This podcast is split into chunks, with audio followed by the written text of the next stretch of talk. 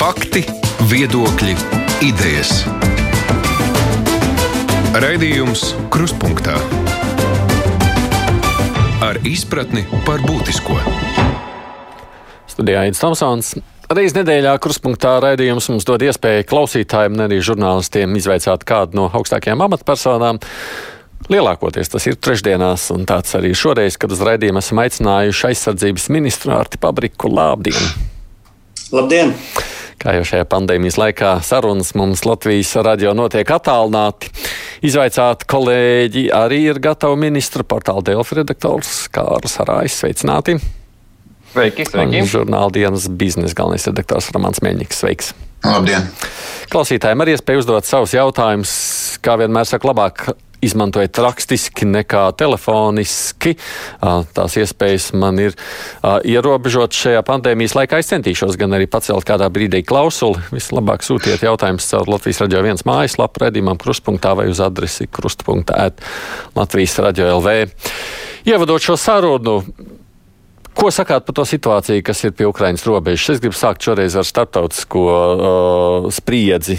Kā uz visu to, kas tāds notiek pie Ukraiņas ar Krievijas karaspēku koncentrēšanu, ir jārēģē jūsuprāt NATO un vispār pārējai pasaulē? Nu, mums šodien arī notiek NATO sēde gan aizsardzības, gan ārlietu ministriem. It kā oficiāli nav paredzēts, ka būs par Ukrainu, bet es domāju, ka gan jau līdz tam jautājumam mēs tur arī nonāksim. Bet um, es domāju, ka tas ir ļoti nopietni. Un uh, tās karaspēka koncentrācijas, kas ir uh, gan Krimā un ap Krimu, gan arī pašā Donbass reģionā, gan arī Krievijas pusē pie Donbass, ir uh, salīdzināms ļoti ar tādu no, nopietnas ofensīvas uh, sākumu, jo tas spēks principā pietiek kaut kam jau. Ja? Lai arī Ukraina vairs nav tā, kas bija 2014. gadā, tomēr tā spēka koncentrācija ir liela. Mēs zinām arī no vakardienas paziņojuma no Vašingtonas, ka prezidents Baidens ir gatavs runāt gan ar prezidentu Putinu, gan ar Ķīnas vadību. Un mēs zinām arī to, ka šī Krievijas karaspēka koncentrācija lielā mērā nu, kaut kā paralēli sakrīt vai arī ir norunāta ar Ķīnas aktivitātēm Klusā okeāna teiksim, tā, piekrastē. Eh, ko mēs varētu šeit sagaidīt un eh, kas ir tas bīstamākais? Eh, es domāju, ka tuvākajā laikā mums tomēr nevajadzētu šeit redzēt reālu militāru aktivitāti tādā nu, plašā mērogā. Mazā mērogā viņi notiek pastāvīgi, bet es negribētu izslēgt tādu spekulāciju, ka Putins vēlas ar šo ne tikai pārbaudīt Vašingtonas jauno prezidentu un rietumu vienotību, tā skaitā runājot par teiksim, Amerikas un Eiropas sadarbību, bet arī mēģināt no viņiem kaut ko papildus izspiest ar uh, kara draudiem. Un es negribētu šeit redzēt nākošo Čemberlenu rietumu pusē, jo mēs zinām, ka mm, tās sarunas, kas ir Minskas formātā, ir diezgan bezjēdzīgas un nesekmīgas, ja tā godīgi. Ja?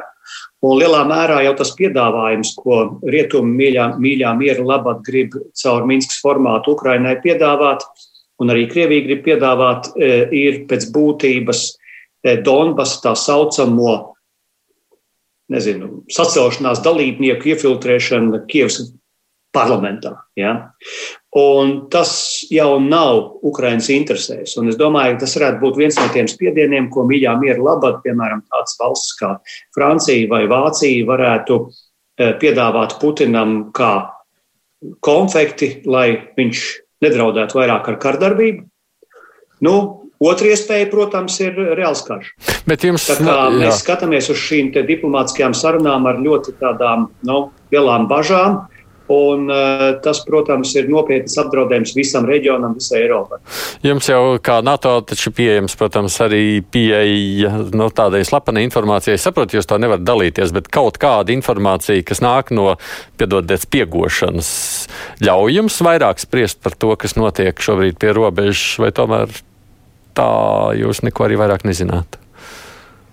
Ne, nu, mēs zinām eh, ļoti precīzi, Aha. kas notiek Krimā, kas notiek Donbasā un kas notiek Krievijā visur, kur tas ir saistīts ar Ukrajinu. Šī informācija ir ļoti precīza.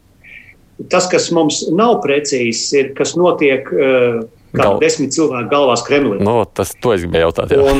tā ir tā spekulācija. tā ir spekulācija. Bet, no militārās plāksnes, protams, tas, kas tur ir, mums ir pilnīgi skaidrs. Tas nav nekāds noslēpums. Mm, jā. kas notiek arī pie Latvijas robežas, mums ir pilnībā skaidrs. Mm -hmm.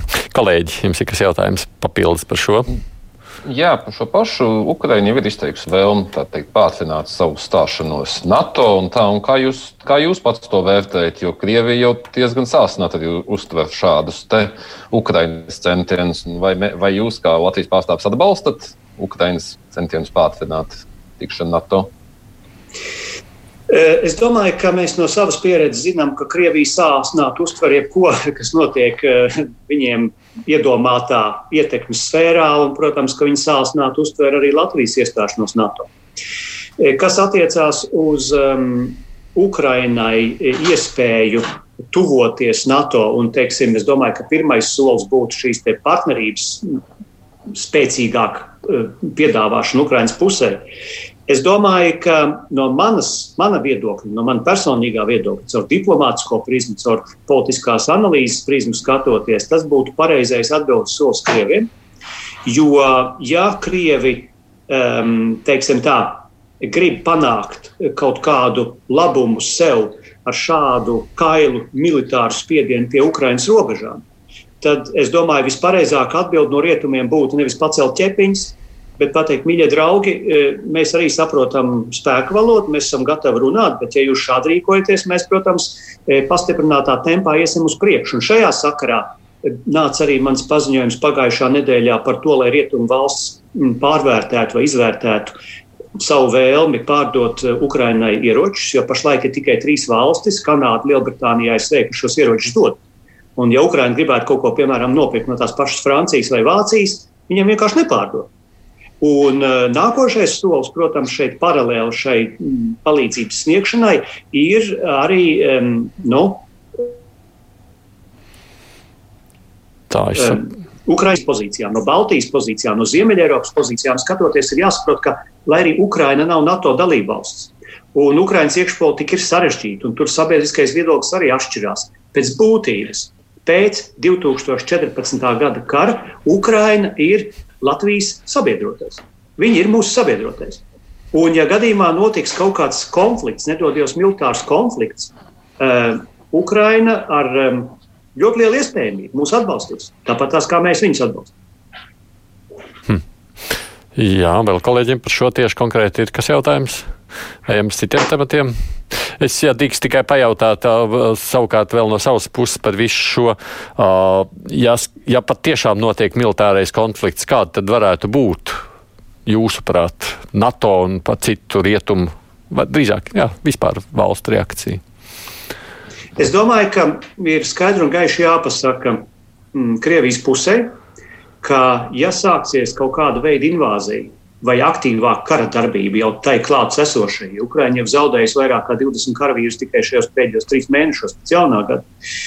Eh, tad uh, Rietumu valsts un NATO ir gatavs sniegt visa veida uh, militāro palīdzību. Un šeit es domāju nu, ar, ar, ar ieročiem, ar, ar bruņojumu, ar tādām lietām, protams, pašām neiesaistoties šajā kara darbībā, jo tas nav karš un Ukraiņa nav NATO dalībvalsts. Bet mums ir jābeidz ignorēt Ukraiņas intereses Jo Krievija kā agresora valsts var dabūt visu, kamēr, kamēr mm, virkne mūsu sabiedroto rietuvos turpina teikt, ka abām ir jāievēro miers, abām ir jāpiekāpjas. Nu, Ukraiņa jau nekur neapdižo Krieviju. Ukraiņa ir upuris šajā konkrētajā gadījumā. Tā tad tehniski upurim ir jāļauj sev aizstāvēt. Mums tā... ir jāsniedz palīdzība, lai Ukraiņa varētu sevi aizstāvēt. Un Ukraiņa ir gan liels kumos. Uh, Ukraiņu nevar tā vienkārši Krievija apēst. Okay. Labi. Romāna, kas tev ir jautājums? Es vairāk gribēju pajautāt par mūsu pašu Protams. Mm, stiprināšanu, mūsu militāro spēju stiprināšanu, tostarp uh, kādā veidā Latvijas biznesa varētu palīdzēt uh, Latvijas armijai, Latvijas bruņotajiem spēkiem ar tehniku, ar kādreiz bija runa par Patrijā bruņmašīnu sadarbību. Es saprotu, ka tur notiek kaut kas, bija par droniem runa, par, par patronām. Uh, par to gribējās jautāt. Jā, nu, man jau gribētos teikt, un gribētos domāt un ticēt, ka mūsu sadarbība ar industriju, ar Latvijas industriju, ir spērusi nu, pēdējos piecos gados ļoti nopietnas soļus uz priekšu. Un tas lielā mērā ir pateicoties A, politiskajām iniciatīvām, kas ir nākušas no aizsardzības ministrijas, gan manā laikā, iepriekšējā, gan arī citu ministru laikā, jo tā turpinātības laika ir bijusi. Un, protams, tam, ka mums beidzot ir daudz maz pieņemams arī aizsardzības budžets, kas ļauj mums eh, tomēr kaut kādus līdzekļus atvēlēt eh, mūsu pašu industrijai, mūsu pašu inovācijām, pētījumiem, un tātad mēģinot tā nu, konkrēti.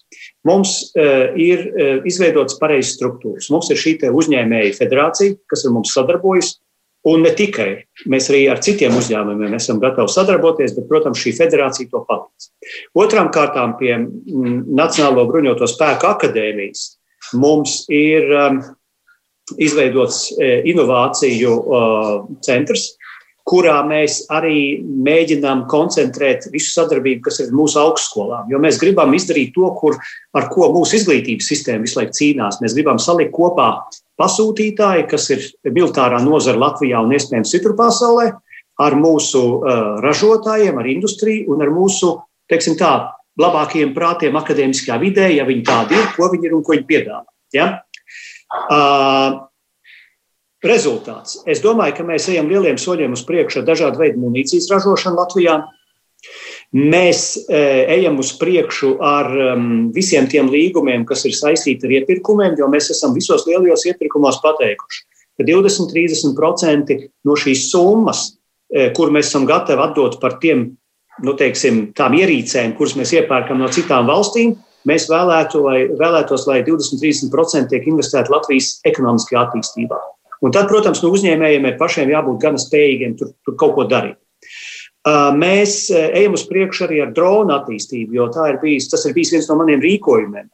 Mēģināt panākt to, lai mēs Latvijā ražojam ne tikai mazizmēru dronus, bet arī vidēji izmēru dronus, kāds mēs redzējām Kalnu Karapahā, kāds mēs redzam pašlaik Ukrainā, ir šie noslēgtie līgumi arī ar Turciju. Un, nu, es atklāšu arī, man ir, protams, arī sarunas ar vairākām valstīm. Mm, te es runāju par to politisko motivāciju un gribu, un tā skaitā arī ar Turciju par to, lai mēs varētu no viņiem pārņemt iespējams šo pieredzi, kas viņiem ir eh, bijusi eh, gan palīdzot Azerbaidžānai, gan arī visur citur izmantojot un palīdzot pašlaik Ukrainai, jo Ukraina ir dabūjusi licenci, lai ražotu šos turku dronus pie sevīm. Un es domāju, ka tas ļautu Latvijai nākotnē domāt atkal citādās kategorijās, proti, mums nebūtu vairs tā saucamais angļuiski saka fixed wing vai nu, nu, spārnu lidaparātu, kur cilvēks sēž iekšā, bet nekas neaizliedz mums attīstīt drona aviāciju, un tā ir mūsu nākotne. Uh, un, protams, ka mums ir jādomā pie visām citām lietām, kas klasiskajā armijā ir vajadzīgas. Tā skaitā pie šīm bruņu mašīnām, kur es domāju, mēs panāksim labu rezultātu. Um, jo nu, mēs iepriekšējo gadu teiksim, tā, finansiālās atpalicības dēļ mēs nebijām šādu veidu bruņmašīnas iegādājušies, bet tagad mums būs iespēja palikt varbūt soli tālāk nekā atsevišķas citas kaimiņu valsts un paņemt pašus jaunākos modeļus un modificēt viņus tieši priekš eh, Latvijas vajadzībām. Paralēli tam, protams, jūs esat dzirdējuši arī par tām aktivitātēm, kas ir saistītas ar, ar um, degvielas un ar pārtiks rezervēm. Jo es jebkurā gadījumā uzskatu, ka, ja mēs nonāksim kādā no krīzēm, es pat nerunāju šeit par karu. Mums ir svarīgi, lai mums būtu pieejama degviela, eh, lai mums būtu pieejama apgāde eh, arī nu, civilām vajadzībām, tā skaitā nu, vienkārši ēdiens. Tā kā tās lietas iet uz priekšu. Bet valsts jau savā starpā konkurē, un arī biznesa konkurē. Jūs teicat, ka paņemsiet pieredzi no Turcijas, vai viņi būs gatavi stāstīt par to, kādā veidā eh, jūs varat kļūt konkurētspējīgi, bet Latvija var būt konkurētspējīgāka pret viņiem. Nē, protams, eh, protams, bet es domāju, ka Turkiem pašlaik nebūtu jābaidās eh, no tā, ka mēs varētu viņus apsteigt. Viņiem ir lielāka pieredze šāda veida dronos. Mūsu pieredze ir ar mazajiem droniem, un tā ir laba pieredze. Ja? Eh, bet eh, jā, nu, šajos konkurences apstākļos mēs varam strādāt, bet tajā pašā laikā jau tām valstīm, kas grib investēt, kas grib sadarboties, tāpat kā Somija, nu, viņi interesēs jau ir savu biznesu attīstīt. Un, piemēram, ar tām pašām patrijām, ja mēs šo projektu novedam līdz eh, labam finālam, tad Somijam, protams, arī tas ir ieguvums, jo viņi redz, vai viņi var parādīt arī citām valstīm, ka šī ir laba mašīna, ka šī mašīna noder gan Somijas karaspēkam, gan Latvijas karaspēkam, un, protams, ka kopīgiem spēkiem, gan Somija, gan Latvija, un šeit es gribētu arī, lai Latvijas kāja būtu durvīs, mēs varētu iespējams šādas mašīnas arī eksportēt uz citām valstīm. Un tas ir Somijas interesēs, un tagad jau arī Latvijas interesēs, jo mēs būsim šajā industrijas ķēdē iekšā. Līdz ar to jebkura nākošā, piemēram, patrija, kas tiks pārdota valstī X vai, vai, vai Z, e, no tās jānāk būt labums arī mums. Okay. Ļaujies pasliktināt. Jā. Es gribēju vienkārši pajautāt, tas iepirkums, tomēr pirmais iepirkums nesanāca, tagad bija otrs, un kolēģi no nekā personīgi arī apskatīja. Un, nu, izgaismoja, nu, manuprāt, visādus arī trūkumus. Es gribēju jautāt, kādēļ tika pieņemts lēmums par šīm somu mašīnām, nevis, piemēram, tur bija citi piegādātāji arī, kas piedāvāja, un kādēļ tieši šie somi tika kā labākie, kas varēja atrast tikai vienu prototipu, nevis jau gatavu ejošu sistēmu. Jā, paskaidrošu. Tātad, nu, pirmām kārtām, eh, es nedomāju, ka nekā personīgi kaut ko izgaismoju. Es drīzāk domāju, ka es būtu bijis priecīgāks, ja tā intervija, eh, kas bija gan ilga intervija ar mūsu valsts sekretāru, būtu parādīta pilnībā. Līdz ar to man, diemžēl, gribētos teikt, ka šeit bija tomēr izlases veida informācija piedāvāta skatītājiem. Es ar pilnu atbildību to saku. Ja? Otrām kārtām es domāju, ka nu, šeit cilvēkiem no malas tādā ļoti īsā Mm, posmā ir grūti saprast, kā tas viss process ir attīstījies. Un es gribētu teikt, ka iepriekšējie iepirkumi, kas izgāzās vēl pirms es kļuvu otrais par aizsardzības ministru, viņi bija par mašīnām 4x4, kas nozīmē 4 riteņu mašīnām, nevis 6 riteņu mašīnām. Ņemot vērā to pieredzi un arī to pieredzes trūkumu, kas ir bruņotiem spēkiem, mans uzstādījums, um, atsākot vēlmi E, nodrošināt bruņotos spēkus ar bruņu tehniku bija sekojošs. Un šos četrus principus es ļoti skaidri izstāstīju visiem žurnālistiem, visiem interesantiem jau gandrīz pirms diviem gadiem. Proti, pirmkārt, es paļaušos uz to, kas ir vajadzīgs visvairāk Latvijas armijai. Nodefinē, kas viņiem ir vajadzīgs. Viņi ļoti precīzi nodefinē, ka viņiem ir vajadzīga mašīna 6x6, kurā iet 10, 12 cilvēki, kurās var pārvadāt šo nodaļu Jo, jo mēs nevaram nopirkt vienlaikus 4x4 un 6x6. 4x4 mašīnā vienkārši ir pāris cilvēki iekšā. Tas nozīmē, ka nu, tur 4-5 ar visu bruņojumu vienkārši tas mums nedara. Tas ir daudz dārgāk. Otrām kārtām, nodaļas mašīna ir vajadzīga visiem zemes sardzēju un profesionāļiem, un mēs esam vienīgā valsts vispār reģionā, kuram šādas mašīnas nav. Tālāk, tātad pirmais bruņoto spēku vajadzība. Otrais, protams, eh, konkurētspējīga cena. Eh, trešais piegāde, piegādes apstākļi. Ceturtais eh, - investīcijas Latvijas ekonomikā. Un piektais kritērijs ir valdības līgums. Es negribu redzēt šīs cīņas starp dažādiem uzņēmējiem, kas nāk, kaut ko mums lobē, kaut ko mums stāst, jo katrs centīsies, protams, savu produktu eh, piegādāt. Es vēlējos tīru, caurspīdīgu līgumu, kuras var noslēgt ar, dotās, ar doto valsti. Lai valsts uzņemās atbildību E, par šo uzņēmumu. Man šī pieredze jau bija iepriekš, kad mēs iegādājāmies nu, toreiz ar ierobežotiem līdzekļiem e, šos e, vieglos bruņu transportierus, kas mums pašlaik ir jau no Britiem. Tajā laikā mums bija valdības līgums ar tā laika ministru Hamondu, Un arī viņš apsolīja, ka būs ieguldījums šajā industrijā. Tas klibo, bet viņš arī būs, jo beig beigās nu, mēs arī šīs mašīnas remontēsim Latvijā. Es vēl, teiksim, tā pie tā strādāju, cīnos, bet tas būs. Ja? Nu, lūk, šie pieci kriteriji bija galvenie, un e, neviena cita valsts man tādu veidu līgumu nepiedāvāja. Otrām kārtām, neviena cita valsts nepiedāvāja tik veiksmīgus um, ieguldījumus Latvijas industrijā. Uh, un uh, es domāju, ka mēs nebūtu, nebūsim pēdējā valsts, kas pievienosies šādu veidu pirkumam. Protams, ka tai mašīnai ir jāatbilst tam kvalitātēm un kritērijiem, kas, kas mums ir bruņotiem spēkiem nepieciešami. Mums visu laiku notiek izmēģinājumi arī ar mūsu bruņoto spēku ekspertu klātbūtni. Mēs esam identificējuši virkni jau Latvijas uzņēmumu, kas spētu ar viņiem strādāt. Tā kā e, Somija tika izvēlēta, tāpēc, ka viņi nāca ar labāko piedāvājumu. Ja var nosaukt kādu citu valsti, nezinu, Koreju, Vāciju, Franciju. Vāciešiem es ļoti daudz ko esmu piedāvājis. Vācieši saka, ka viņiem nu, ir tāda konservatīva sistēma, ņemot vērā varbūt tās pēckara pieredzi, kur viņi nav gatavi valdību tādā veidā iesaistīt. Man ir žēl vāciešus. Jo mēs būtu vāciešiem gatavi maksāt arī diezgan liels līdzekļus, bet, nu, ja Vācija nav gatava mm, valdības līmenī dot arī kaut kādas valdības garantijas, es no vāciešiem neņemšu.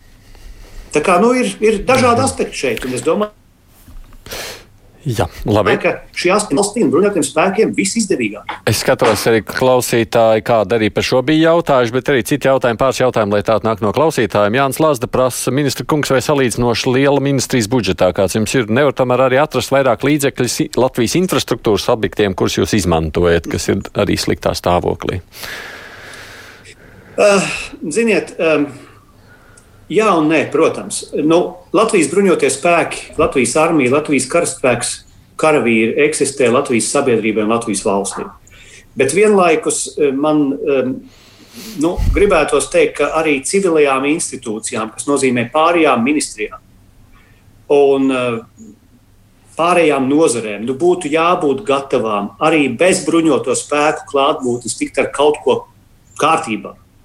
Jo uh, Tad, kad, tad, Bet jums, pieņemsim, jāiepār... ja drīkst jautāt, jums tandēmā Jā. ir iespējas strādāt? Nu, tur, piemēram, šobrīd es saprotu, jūs ādaži, piemēram, uz poligonu, kad varat uz garkalnu tos, uh, to, to uh, nu, bruņu transportēs vai jebko citu, tad, uh, nu, tā kā tur ir caur mežu divu kilometru ceļš sliktā stāvoklī, tad jūs braucat tos 20 km apkārt, nobloķējot vispārējo satiksmi. Uh, varbūt var to ceļu salabot kopā, pusi valsts, pusi aizsardzības ministrija un būs visiem labi. Bet redziet, e, tas jau notiek. Un cilvēkiem ir jāzina, ka šādā veidā mēs iesaistamies.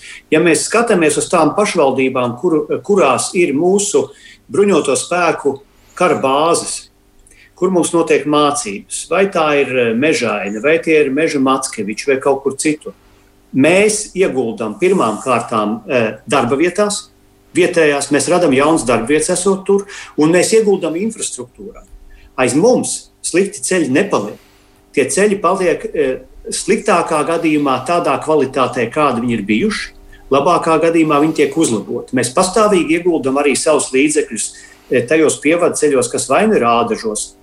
Mums šeit ir arī bijis vairāk kārtēji līgumi ar, ar ādažu pašvaldību, vai teiksim, arī Latvijā pie meža Matskevičiem, vai tas tagad notiek pie skrundas. Un, piemēram, arī nu, mēs taču nodarbojamies arī ar um, E, civilo cilvēku glābšanu ar saviem, piemēram, helikopteriem. Ja? E, mums ir no vienas puses savas vajadzības, kas ir šaura sadaļa, militārās vajadzības, ja mums jābūt spējīgiem glābt, piemēram, e, patruļu lidmašīnu pilots, ja ar viņiem kaut kas notiek Baltijas jūrā. Bet vienlaikus mēs taču palīdzam gan um, mūsu um, veselības dienestiem, gan citiem. Nu, un, kas, no, pie, kas piemēram, tad nāk? Pēdējais piemērs, ne, ne, pēdējais piemērs. Piemēram, tāpat Ventspils lidosta. Mēs esam viena no tiem, kas kopā ar satiksmes ministriju un pašvaldību šeit katru gadu atvēlam kaut kādus līdzekļus tikai par to, ka mēs tur nosēdam savu helikopteru.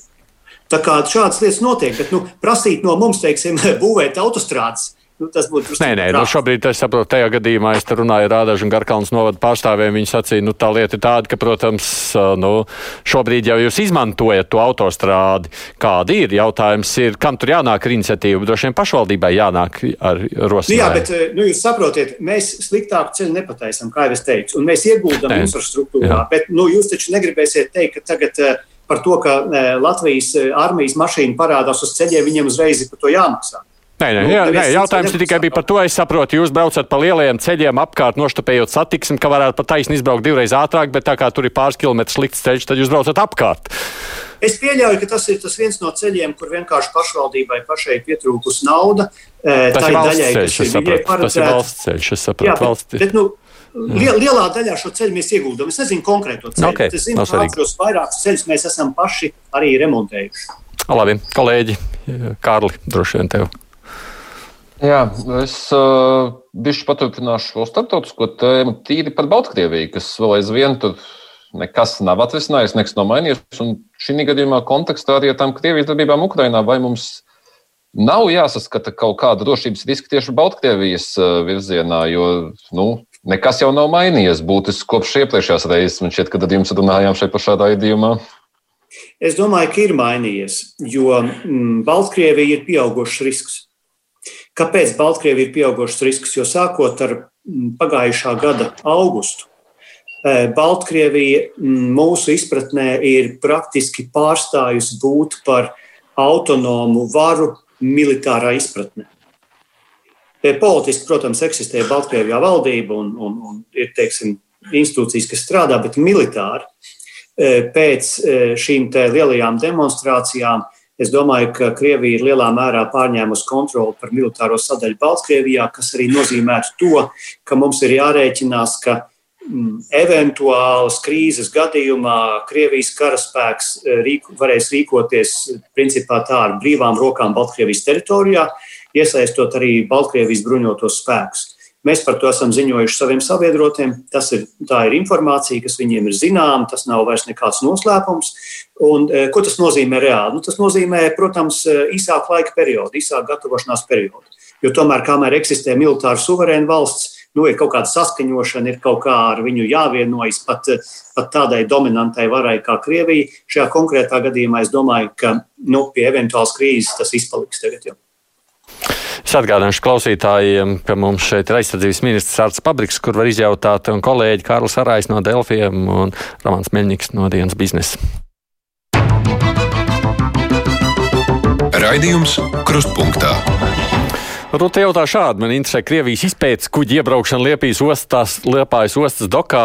Vai aizsardzības ministrijai ir ziņas, ko tas pētīja ostā, ko atstāja vai paņēma noenkurošanās vietā? Man par krāsošanas darbiņiem ļaujiet pasmaidīt. Man nepamet tāda dežavu sajūta, kad pie kolkas raga Krievijas kuģis it kā neliela remonta dēļ lūdz patvērumu, kamēr pat dzeramais ūdens apkalpē aptrūkās. Nu, protams, aizdomas par to, kas tur īsti noticis. Es domāju, ka šīs aizdomas ir gana pamatotas. Eh, tas arī ir viens no iemesliem, kāpēc šis kuģis jau ir ostu pametis. Jo droši vien, ka saprata, ka nu, mēs varētu mēģināt šīs aizdomas pārbaudīt. Bet, eh, protams, ka šī kuģa ienākšana Latvijas ostā izgaismoja arī nu, zināmā mērā tādas koordinācijas nepilnības. Jo mm, šis kuģis ir iekļauts, eh, vai teiksim tā, ne pats kuģis, bet kuģi īpašnieki ir iekļauts sankciju sarakstā. Un, uh, es domāju, ka nu, šeit nākotnē mums būtu pareizi mm, mācīties no šī piemēra un sakārtot to informācijas aprits sistēmu starp dažādām valsts institūcijām tā, lai tad, kad um, tāda tipa kuģis, piemēram, prasa iebraukšanu Liepājas ostā vai piesakās uz kaut kādiem, piemēram, remonta darbiem vai kaut ko tamlīdzīgu, kāds laikam bija šajā gadījumā, tad uh, šī osta spētu saulaicīgi reaģēt, e, viņai būtu pieejama informācija. Es pieļauju, ka šeit gan no mm, ārlietu ministrijas, gan varbūt kādām citām institūcijām, un tad viņi varētu dot signālu arī krasta apsardzēji šo kuģi varbūt šādu iemeslu dēļ ostā nelaist. Protams, e, ka e, ja, nu, kuģis vienmēr var prasīt vai nu patvērumu no vētras, vai, teiksim, ja viņam kāds cilvēks slims vai kāds jāglābi, tā ir cita lieta. Bet šeit konkrētā gadījumā tas bija vairāk tāds biznesa projekts, un es domāju, ka tur ostai arī radās. Eh, nezinot šo informāciju, radās arī kaut kāds tāds nu, tā kā alibi, ja varētu teikt, jo pirms tam šis kuģis ir bijis deviņās citās Vācijas ostās.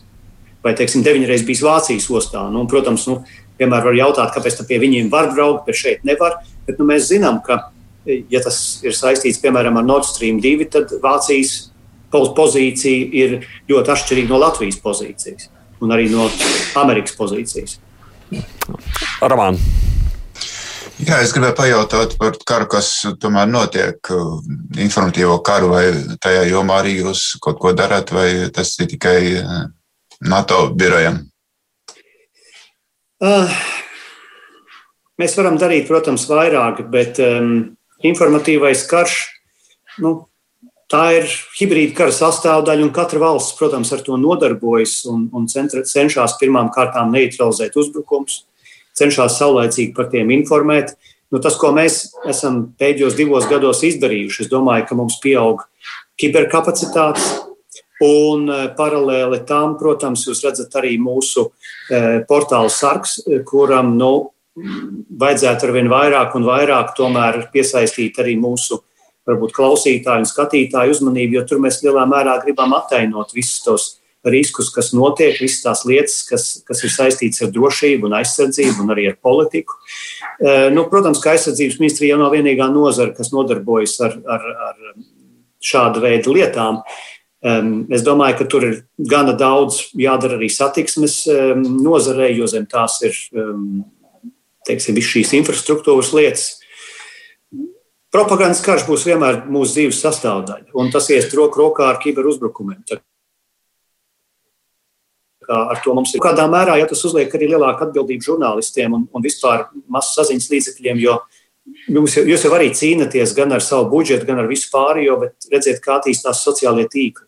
No vienas puses, sociālie tīkli izspiež um, klasiskos mēdījus, bet no otras puses, sociālo tīklu kontrole teiksim, ne tikai tāda nu, fiziska kontrole, bet kontrole no valsts puses arī par kaut kādu godīgāku saturu, patiesāku saturu ir ļoti apgrūtinoša. Un, un, protams, ka visi sociālie tīkli tiek maksimāli izmantot vismaz divos virzienos, kas ir valstiskās intereses, dažādu valstu intereses, gan arī dažādu kompāniju privātās intereses, kur arī mums ļoti grūti, dažreiz pat grūtāk cīnīties kaut vai nu, ar, ar to pašu Facebook vai kaut ko citu, kas vāc katru mūsu datus.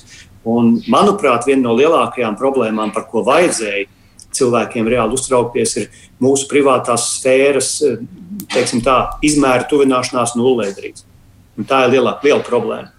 Un tas, protams, arī var tikt izmantots no, no dažādu citu valstu puses, jo, ja šī informācija ir pieejama atsevišķiem uzņēmumiem, uzņēmumi grib pelnīt, un, ja uzņēmumi grib pelnīt, viņi šo, šos datus var pārdot. Jā, Jā sāc jau vairāk kārt nu, minējis, ka tieši šie uzbrukumi nāk no Ķīnas, no Krievijas puses. Un, bet es gribētu, lai jūs paskatāt, kā jūs vērtējat šī brīža bruņoto spēku armijas tieši gatavību atvairīt, piemēram, tos uzbrukumus, kuros netieši tiek izolēta informācija. Piemēram, ka tiek izveidota vilks Facebook grupa konkrētā garnizona karavīriem, kur tur ir dalās ar ierobežotas piemības informāciju, it kā savā lokā, bet patiesībā tas ir trešās puses izveidots. Vai mūsu armija ir gatava ar to cīnīties? Jo nu, vēl pirms pāris gadiem pierādījās, ka nav īsti tieši, nu, tieši mācībās. Nu, mēs bijām pirmie, kas īstenībā šādas mācības izveda no visām NATO dalību valstīm. Dažām labām NATO pat tas nepatika, jo tas parādīja tādas vājās vietas. Bet, protams, būtu muļķīgi slēpt šādas lietas no savējiem, jo pretinieks jau vienmēr tās vājās vietas zina. Un eh, es gribētu teikt tā, Es nevaru, protams, absolūti atbildēt par katru karavīru, par katru zemesargu, jo katrs mēs varam kļūdīties, bet eh, tās mācības, ko ar strateģiskās komunikācijas centra palīdzību, ar Jāņa Sārta palīdzību mēs izvedām pie sevis, šāda veida mācības laiku pa laikam tiek atkārtotas līdzīga veida. Un es domāju, ka mēs ļoti daudz no tām iemācījāmies, daudz citas valsts no tā iemācījās. Un es gribētu teikt, ka mm, nu, droši vien Latvijas bruņotie spēki ir vidusmērā daudz labāk sagatavot šādām operācijām nekā vidusmēra iedzīvotājs.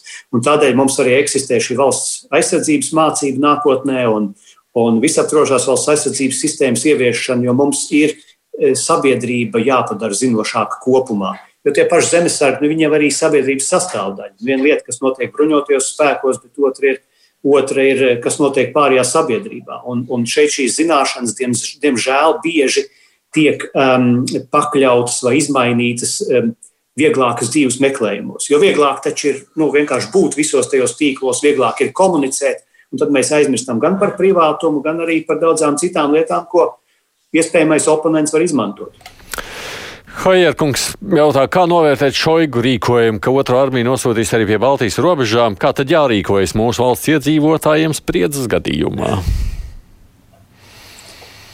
Nē, nu, Tas, ka e, Krievija bruņojas, tas, ka Krievija ir labi trenējas, e, tas jau mums nav noslēpums. Un mūsu uzdevums ir vienkārši padarīt Latvijas sabiedrību par cietu riekstu jebkuram iebrucējam, jo vienkārši e, tai cenai ir jābūt nepieņemamai. Ja jūs ejat uz tirgu un jums ir jāmaksā pārāk daudz par to produktu, ko jūs gribat nopirkt, nu jūs varbūt iesiet citur meklēt tā, lētākus produktus. Mēs negribam Latviju pa lēto kādam pārdot mēs vispār negribam pārdot. Līdz ar to mums ir jābūt ar daudz lielāku noturību.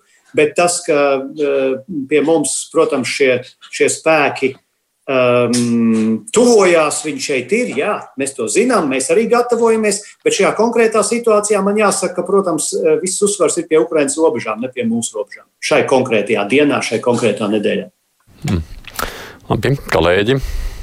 Ja drīkst, es, es par to trenēšanos no pat tās pieminēju, ka Krievija trenējās, vai mūsu armija spēja trenēties šajos Covid apstākļos, vai, vai sēž kaut kādos burbuļos, izolēti viens no otra. Paldies Dievam, mums arī Covid slimnieku armijā skaidrs ziņā mazinās. Šodienas datus vēl neesmu apskatījies, vakar bija tikai 39.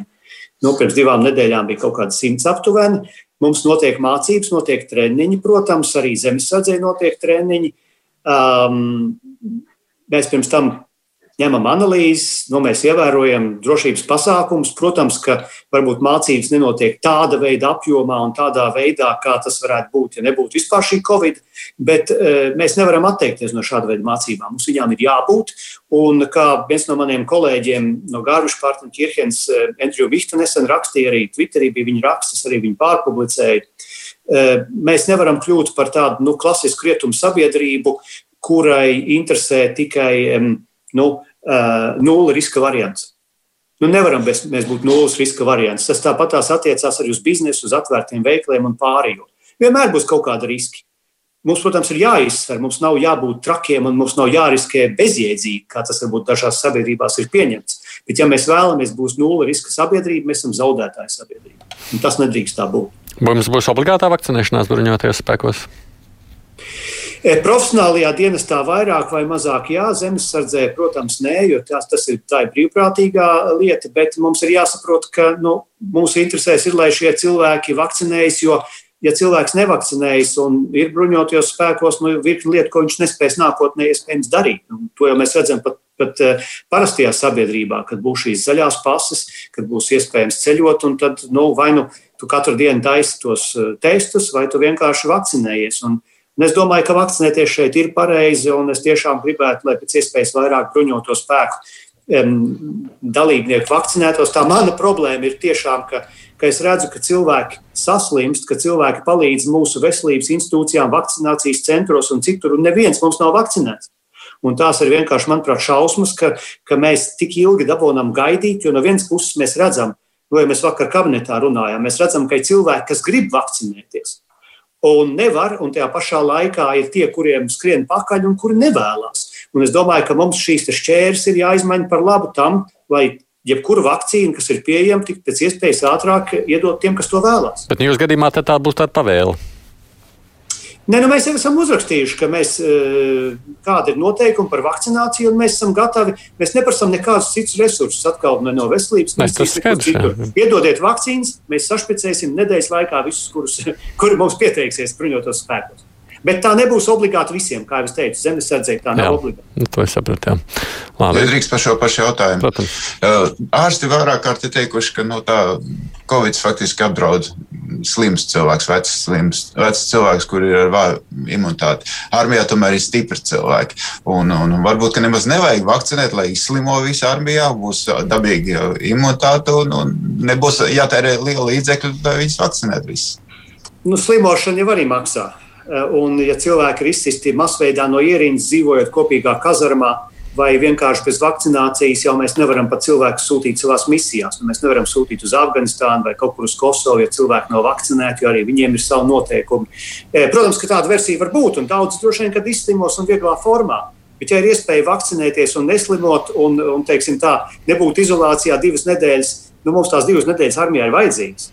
Mums vajag, lai tie cilvēki būtu labā fiziskā formā, lai viņiem nebūtu pēc tam jāatgūstās, lai viņiem nebūtu atkal jāatgūst šī forma, jāiet pie doktoriem. Es domāju, ka vienkāršāk ir paņemt to vakcīnu. Uh, par citu tematiku Eriks prasa, pastāv tāds militārās izlūkošanas drošības dienests. Kāpēc atšķirībā no citiem valsts pēcdienestiem, kas katru gadu publicē savus pārskats, 25 gadus jau mums nav nekāda informācija par šī te minētā militārā dienesta darba rezultātiem? Es domāju, ka tie cilvēki, e, kā angļuiski saka, uz need to know bāzes, viņi ir par to informēti, kādas ir šī izlūkdienesta panākumi. Un e, es saprotu, ka daudz sabiedrībā grib dzīvot totālas atklātības apstākļos. Es domāju, ka tas ir nepareizi. Es domāju, ka ir lietas, kas sabiedrībai e, ir jāredz un kur viņi var ikdienā sekot, bet ir lietas, kas varbūt tās nu nav mums uz paplātes tirgus laukumā jāuzliek. Un es neesmu no tiem politiķiem, kas tas gan neatiecas uz, uz, uz slepeniem dienestiem, jo uz slepeniem dienestiem attiecas valsts noslēpums. Un, un tā informācija, ko viņi darbojas, ir pieejama cilvēkiem, kuriem ir piekļuve valsts noslēpumam. Bet, ja mēs runājam vispār par tādu atklātu politiku, es domāju, ka mēs daudz kur aizjām par tālu un mēs paši sev šaujam kājās nu, kaut vai ar tām pašām atklātām valdības sēdēm. Es domāju, ka nav pareizi krīzes apstākļos par krīzes lietām organizēt online atklātas valdības sēdes. Bet, nu, tāds bija lēmums, un daudziem publikā tas patīk. Es esmu no tiem politiķiem, kas uzskata, ka tas nav pareizi. Varat mani par to nosodīt, bet uh, Bet es domāju, ka tas nav pareizi, jo jūs nenosauksiet man nevienu Eiropas dalību valsti. Ne, nevienu bet... Eiropas Savienības dalību valsti, kur sēdes ir atklātas. Ne par valdību. Te bija jautājums, nu, piemēram, SAB jau kaut kādu pārskatu sniedz. Nu, labi, viņi arī praktiski nesaka to, ko viņi tieši tādā veidā izdara, bet nu, viņi tādu pārskatu reiz gadā dod, un vismaz sabiedrībai kaut kāds priekšstats, ka tāda iestāde darbojās un Ai, apmēram strādās, dara. Nē, nu, redziet, mēs. Militārās izlūkošanas un drošības dienests ir lielākas struktūras sastāvdaļa piemēram, atšķirībā no sāpju tādā gadījumā. Un, Un viņu atskaiti tiek iekļauti mūsu ikgadējos ziņojumos parlamentam par nacionālo uh, drošību, par aizsardzību. Tur, tur arī tā viņu sadaļa. Pabrikungam internets mazliet. Nē, nevarētu būt. Jūs man nedzirdējāt? Nu, vienu brīdi nedzirdējām, dažas sekundes. Nu, redziet, laikam izlūkdienas pieslēdzās. Strādā, strādā, jā, jā, jā, jums tur ir noteikti noklausāties Kārli. Nu, es, jā, par šo pašu tēmu, nu, piemēram, cik, tad varbūt nesaucot kaut ko absolūtu, bet cik ir atklāti teiksim, drošības riski armijā teiksim, pēdējo pāris gadu laikā, vai ir atklāti kaut kādi tieši iekšējie armijas. Nezinu, vai cik karavīrs vai kas, kurš ir identificēts kā drošības risks, vai tas būtu spiegošana vai kas. Jo nu, mēs skatāmies kaimiņu valstīs, ik pa laikam ir skaļās tās lietas, gan Igaunijā, kur kapels sašņorē kādu, gan kur pie mums armijas līmenī. Nu, es at, varbūt kādu atvaļinātu varu atcerēties, bet tā es neatceros, ka būtu mums. Nu, eh, mums vienkārši mm, nav bijis eh, varbūt tāda līmeņa mm, gadījumi, kādi tika atklāti Igaunijā, dažādu citu iemeslu dēļ.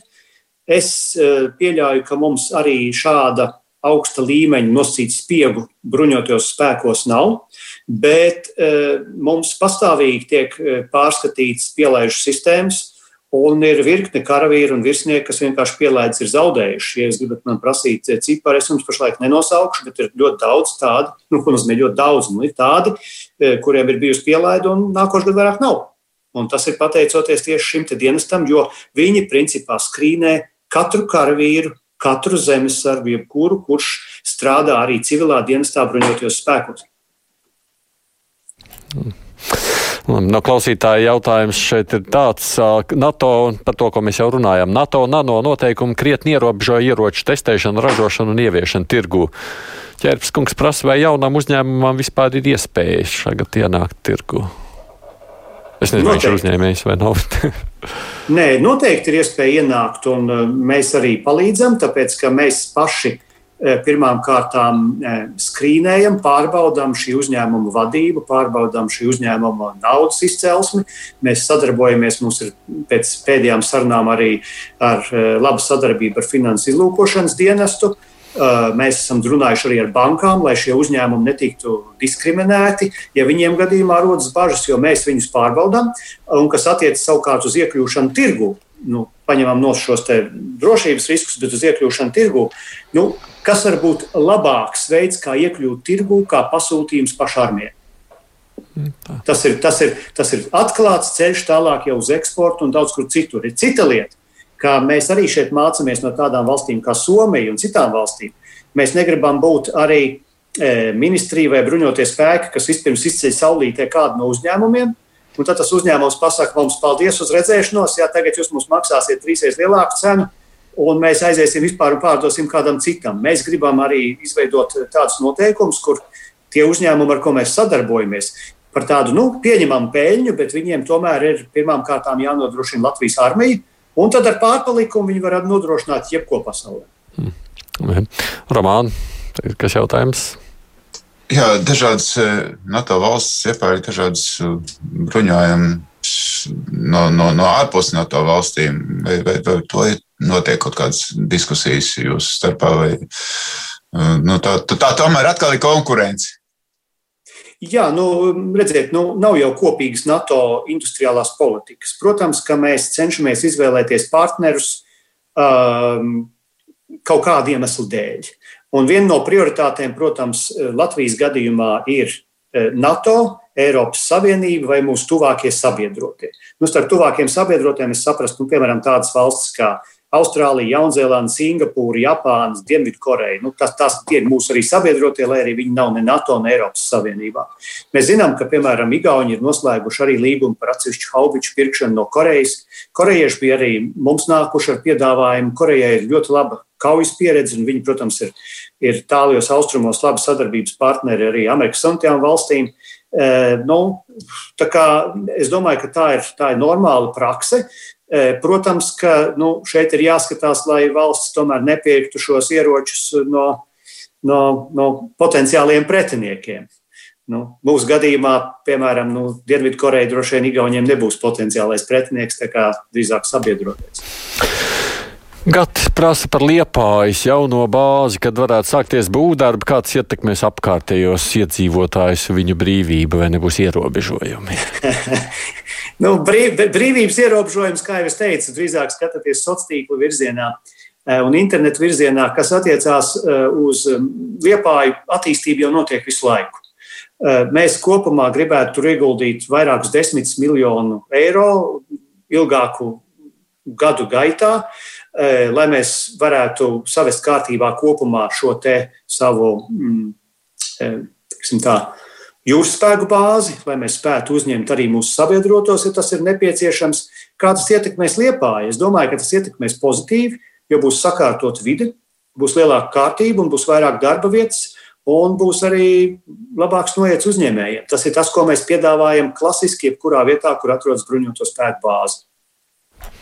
Kolēģiem ir vēl kas jautājums?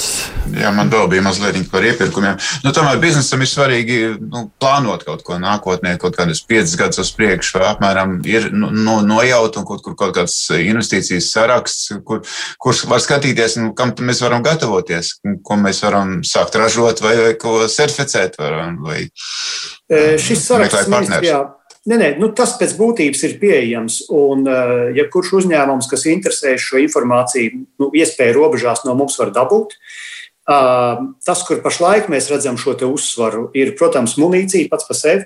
Jā, munīcija mums ir vajadzīga dažādu kalibru, dažādu veidu. Uh, mēs joprojām pilnveidojam šo remontu un ražošanas industriālo bāzi, vai nu tas ir 6x6, vai tas ir CVRT vai kādas citas mašīnas, kas ir Latvijā vajadzīgas. Līdz ar to viss, kas iet ar metālu, ir droni paši par sevi, e, vai nu gaisa droni, vai jūras droni, ir ļoti būtiski. Mūs interesē ļoti pārtiks ražošana, arī tādas pārtiks ražošana, kur var ļoti ilgi glabāt. Mēs gribam šeit būt labāki nekā, piemēram, vācieši vai amerikāņi ar glabāšanu un ar kvalitāti vienlaikus.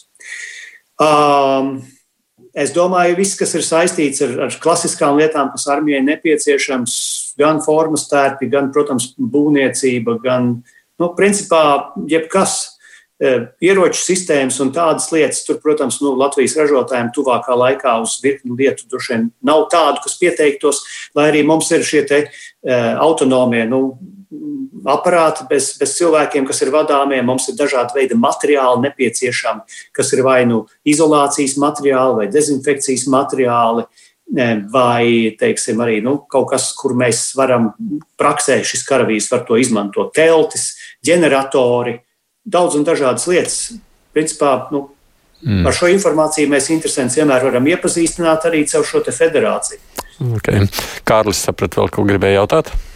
Jā, Pamatikungs, jūs iepriekš kritiski izteicies par civilo institūciju gatavību krīzēm, nu, tieši arī kontekstā valdībai, nemodos pat Covid runājot, un sakat, ka tām jābūt gatavākām. Nu, tad jautājums ir, kā tieši tas izpaužās un kā armija tam var palīdzēt, jo nu, armija vispār iestāda visplašāko pieredzi, attiecīgi, vai armija ir gatava sniegt kaut kādas konsultācijas civilajām institūcijām? Um.